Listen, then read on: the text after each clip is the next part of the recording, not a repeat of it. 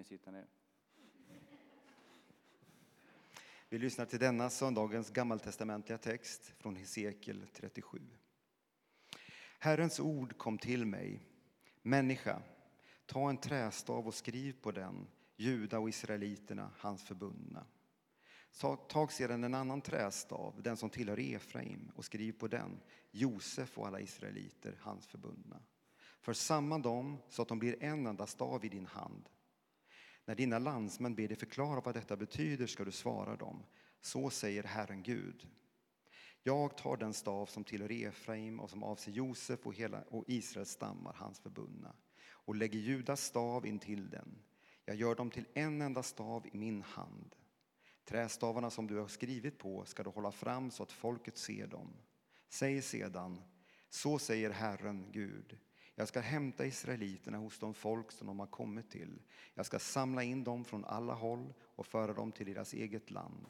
I detta land på Israels berg gör jag dem till ett enda folk och de ska alla lyda under en enda kung. Aldrig mer ska de vara två folk, aldrig mer ska de delas i två kungariken. Så lyder Herrens ord. Gud, vi tackar dig. Vi lyssnar till denna söndagens Text från Efesierbrevet 4, 1-6. Jag uppmanar er, jag som är fånge för Herrens skull, att leva värdigt er kallelse, alltid ödmjuka och milda. Ha fördrag med varandra i tålamod och kärlek. Sträva efter att med friden som band bevara den andliga enhet. En enda kropp, en enda ande, liksom ni en gång kallades till ett och samma hopp. Ni är en Herren, en tron, en dop, ett är dopet. En är Gud och allas fader.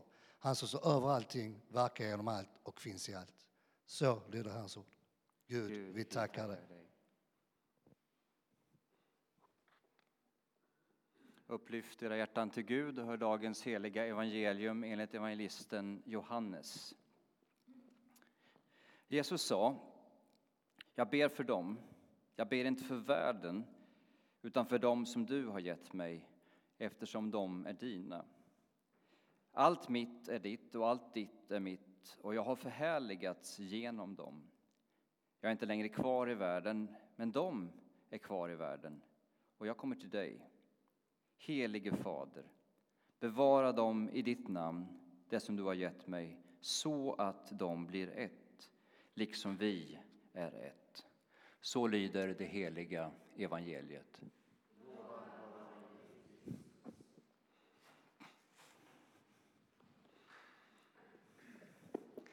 Fyrtio tusen. Nu kanske ni undrar, är det där jag tjänar i månaden på Ikea? Det är det inte. 40 000. Det är ungefär så många olika kristna samfund som det finns i världen idag. Nu är det en liten eh, luddig definition för till exempel den tyska lutherska kyrkan och den svenska lutherska kyrkan räknas som två olika samfund. Så det är liksom inte 40 000 samfund som tycker diametralt olika i olika saker och ting. Men som vi känner till, de flesta av oss, så är det ändå så att det finns tyvärr väldigt många samfund och olika inriktningar i världen idag. Och dagens tema i kyrkåret är enheten i Kristus. Så det kan väl kännas som en bra utmaning för oss 20 här i, i, i Tyska kyrkan idag att ta, ta oss an detta, att försöka nu förena dessa 40 000 till ett. Är det någon som vill börja? För även om det är så här att det kanske inte, jag vill nog säga det ganska med stort eftertryck, det ligger inte så högt på vår egen dagordning detta med enhet. Så är det ju ändå någonting som ligger på Jesu hjärta. Vi läste ju det idag. Han ber Helige Fader, bevara dem i ditt namn, det som du har gett mig, så att de blir ett, liksom vi är ett. Och när vi då ser ut över tillvaron så kan det kännas som det här. Va? Det är ju ingen idé. Någon som har känt så? Och det är faktiskt fiendens kanske främsta vapen mot oss när det överhuvudtaget handlar om att följa i Jesu fotspår, vilket område det än handlar om. Det är ju ändå ingen idé. Vad kan jag göra? Det jag, lilla jag gör, har det någon skillnad? Spelar det roll att jag sopsorterar? Det är ju ändå ingen idé. Men det finns hopp. Vi måste också bara någon gång inte bara titta på vårt lilla perspektiv och vår lilla nutid, utan se vad är det som har skett under 1900-talet. Det har skett enorma grejer på enhetens och ekumenikens område. Under 1600-talet slog vi ihjäl varandra. Det är väl bra att vi inte gör det idag. Ett steg framåt. Ja, även om den ligger nära till ibland. Men gemenskapen och relationerna mellan kyrka och familjen har avsevärt förbättrats och tagit stora och starka kliv. Mycket närmande har skett, inte minst mellan vår kyrka, den lutherska kyrkan och den katolska kyrkan. 2016 så firade vi minnet av reformationen. Vem var här då och firade reformationen? Jag var på plats. Ola, var du på plats? Vem var här? Påven var här och firade reformationen. Det är väl ganska märkligt ändå. Och eh, i gemenskap med det här mötet som ägde Lunds, Lunds domkyrka så sammanfattade man och skrev under ett dokument som hette så här, Från konflikt till gemenskap. Det är väl bra början. Och när man läser igenom det, jag läste det här i veckan, ett 84-sidigt långt dokument, så går man igenom och säger så här, detta tycker vi faktiskt gemensamt om. Det finns mycket som vi tycker gemensamt om idag. Och för några år sedan, jag vet inte när det var, så, så skrev man faktiskt ihop ett dokument där man sa så här, ja, vi tycker faktiskt lika om rättfärdiggörelsen genom tro. Det har skett saker och ting under resans gång. Och bara för att citera ett av de punkterna som står i det här 80-sidiga dokumentet så står det så här, där katoliker och lutheraner säger så här. Som lemmar i en och samma kropp minns katoliker och lutheraner gemensamt reformationstidens händelser som ledde till att de därefter levt åtskilda trots att de tillhör en och samma kropp. Denna realitet är en omöjlig möjlighet som orsakar stor smärta. Eftersom de tillhör en och samma kropp strävar katoliker och lutheraner i denna splittring mot kyrkans fulla katolicitet. Denna strävan har två sidor. Ett erkännande av det man har gemensamt och som förenar och ett erkännande som skiljer åt. Det förstnämnda är en källa till tacksamhet och glädje. Det senare är en källa till ånger och sorg. Det är väl ändå rätt stort att man kan säga det tillsammans idag. Och Paulus skriver i dagens episteltext att vi kallas till att bevara den andliga enheten med fridens band. Alltså kyrkan är en. Och vi kallas att leva utifrån detta faktum, enhet, genom att leva i frid. Och då landar ju frågan till oss 20 idag här, hur relaterar det till oss idag? I våra relationer till våra trossyskon här i kyrkan, men också till dem som tillhör en annan kyrka och i andra samfund. Jag vill säga så här, vägen till sann ekumenik och enhet börjar i att vi får en förnyad vision av Gud själv. Paulus proklamerar idag i det som vi läste från Efesierbrevet. En är Gud och allas fader. Han som står över allting, verkar genom allt och finns i allt. Och det är tre punkter som eh, hjälper oss att bevara den enhet som är oss given och vårda den enheten och förstärka och fördjupa den enheten som Anden har gett oss. Vad var det Paulus sa först? Jo, han sa så här, Gud är allas fader. Jag tror, ni behöver inte ställa er upp och vittna ifall det är så att era barn lever i konflikt med varandra. Men jag känner ju till en hel del familjer där syskonen inte drar jämnt och det kan vara ganska plågsamma relationer. Men mamman älskar alla sina barn ändå, eller hur? Och Guds hjärta slår för alla sina barn. Gud är allas fader. Jag kanske inte drar jämnt med honom och jag drar inte jämt med henne. Men föräldrarnas hjärta är fyllt av kärlek och sörjer ju över att barnen inte kan umgås. Att leva i enhet och kärlek till sina kristna trossyskon handlar inte om att vi ska hemfalla åt moralisk eller läromässig relativism.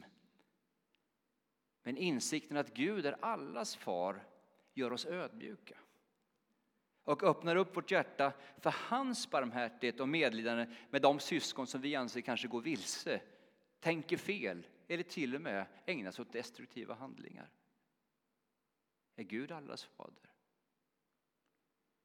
Vad får det för konsekvenser för hur vi ser på våra syskon? Tänk om jag hade fått välja mina storebröder istället för att bara ta emot dem som de är. Någon som hade velat, velat välja bort sina syskon? Filip, han tittar ner i bänken just nu. Men eh, nej, du älskar ju dina stora systrar, jag vet ju det. Gud är allas fader. Det andra som Paulus sa, Gud står över allt. Peter Halldorf skriver så här i sin underbara bok Att älska sin nästas kyrka som sin egen. Varje grupp, varje kyrka, församling och kommunitet frestas till självgodhet, inskränkthet, exklusivitet och tron att man är särskild. Och vägen till enhet är just detta att få en förnyad vision om hur är Gud? Hur klappar hans hjärta? Och hur tänker Gud själv? Kanske behöver vi få samma erfarenhet som Jesua får när han går ut själv i ödemarken och helt plötsligt får ett märkligt möte. Och då står det så här i Josua 5, vers 13-15. En gång vid Jeriko fick Josua se en man som stod framför honom med draget svärd. Josua gick fram till honom och frågade, hör du till oss eller till våra fiender? Han svarade nej, jag är anförare för Herrens här. Nu har jag kommit. Då föll Josua ner med ansiktet mot marken och hälsade underdånigt. Han frågade, Herre, vad har du att säga till din tjänare? Anföraren för Herrens här svarade, ta av dig dina skor, du står på helig mark. Josua gjorde så. Hör du till oss? Eller hör du till våra fiender? Vad är svaret? Nej. Underbart svar. Hör du till oss? Är du lutheran? Är du katolik? Är du pingstvän? Är du baptist? Är du, vad är du? Nej. Gud står över allt. Och vi får dra av fötterna, eller inte får dra av fötterna, men det kanske skorna i alla fall, från våra fötter och tillbe Gud i det sammanhang där vi möter Gud. Det finns ingen kyrka som kan ta patent på Gud. Även, lyssna nu, det är viktigt att landa i en kyrka som vi tror på bästa sätt förvaltar och gestaltar evangeliets sanning. Vi pratar inte om läromässig eller moralisk relativism. Men samtidigt bör vi leva med en öppenhet som den nuvarande påven Franciscus ger uttryck för när han säger så här. Vad kan vi få som gåva av våra bröder och systrar i andra kyrkor? Tänk att påven, den katolska kyrkan som faktiskt i sitt lärodokument säger att de är den enda sanna kyrkan, kan uttala sig på detta sätt. Vad kan vi få som gåva av våra bröder och systrar i andra kyrkor? Och det leder fram till den sista punkten. Gud verkar genom allt och finns i allt. Peter Halldorf igen. Innan vi kan mötas i det som åtskiljer oss i synen på trons innehåll måste vi känna varje erfarenhet som sårar den andre som vår egen. Gör oss till ett med den andre så att vi utgår från hans och hennes sätt att tänka. Inte genom att förneka det vi med övertygelse bekänner på Kristi och skriftens grund, utan så att vi hela tiden frågar oss vilket ljus kan han eller hon ge mig så att jag kan förstå mig själv och min tro klarare? Så det handlar inte om någon osäkerhet och vad ska jag tycka och vad tänker du om mig utan att få se höjden, bredden, djupet tillsammans med heliga, alla heliga förstå rikedomen i Kristus. Guds nåd manifesterar sig på ett sådant sätt att han behandlar dåliga människor väl och ger det som de inte förtjänar. Det är den bästa definitionen på Guds nåd. Det är ju vår räddning och vår salighet och det vi gläder oss över varje söndag när vi får bekänna vår synd och ta emot avlösningen. Men det gör ju också att vi stör oss över att det finns så många dåliga predikanter och märkliga kyrkor. I alla fall det är kanske inte ni, det är det enda som jag retar mig över varje dag. Eh, när jag läser Dagen och andra tidningar. Men hur kan Gud använda dessa i jämförelse med vår fantastiska kyrka? Att rädda och välsigna människor. Ja, för att Guds nåd är som den är. Och som Gud verkar till och med genom allt och finns i allt. Hör mig rätt nu, det är inget försvar att upprätthålla dålig teologi eller bevara eländiga praktiker. Men Gud verkar genom allt och i allt för sitt eget namns äras skull. Och vad är det hans ära handlar om? Att visa upp sin outgrundliga, oemotståndliga och enastående nåd.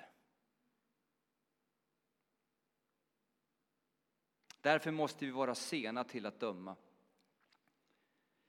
och även vara öppna för att Gud kan använda oortodoxa vägar för att nå in i en människas själ. Och även ge oss gåvor som kommer från ett oväntat håll. Jag är väldigt glad att Herren har lett mig och oss till den här kyrkan. Till att få vara präst i den svenska kyrkan förenad med den historiska kyrkan med dess traditioner, bekännelseskrifter och goda ordningar. Är den fullkomlig? Nej. Jag tittar på en annan präst här nu som håller med ganska intensivt. Där, va? Har jag mer och har vi mer att lära och upptäcka? Ja. Kommer vår kyrka vara ensamma i himlen? Ni vet ju det skämtet, eller hur? Sankt Peter går runt och visar hela himlen för ny, nytillkomna. Och sen så är det världens party överallt, men så säger han nu får ni vara tysta. Så går de förbi en stängt rum. Och beroende på vilken kristen rörelse som är senast på det kristna utskottet så säger de så här, varför måste vi vara tysta när vi går förbi här? Ja, det här sitter pingstvännerna och de tror att de är ensamma här nämligen. Eller så är det Livets Ordan eller så lutheraner eller beror på vilken tradition man nu är. Vi kommer inte vara ensamma i himlen. Så därför är det lika bra att vi här och nu lär känna varandra, accepterar varandra och lär oss umgås med varandra.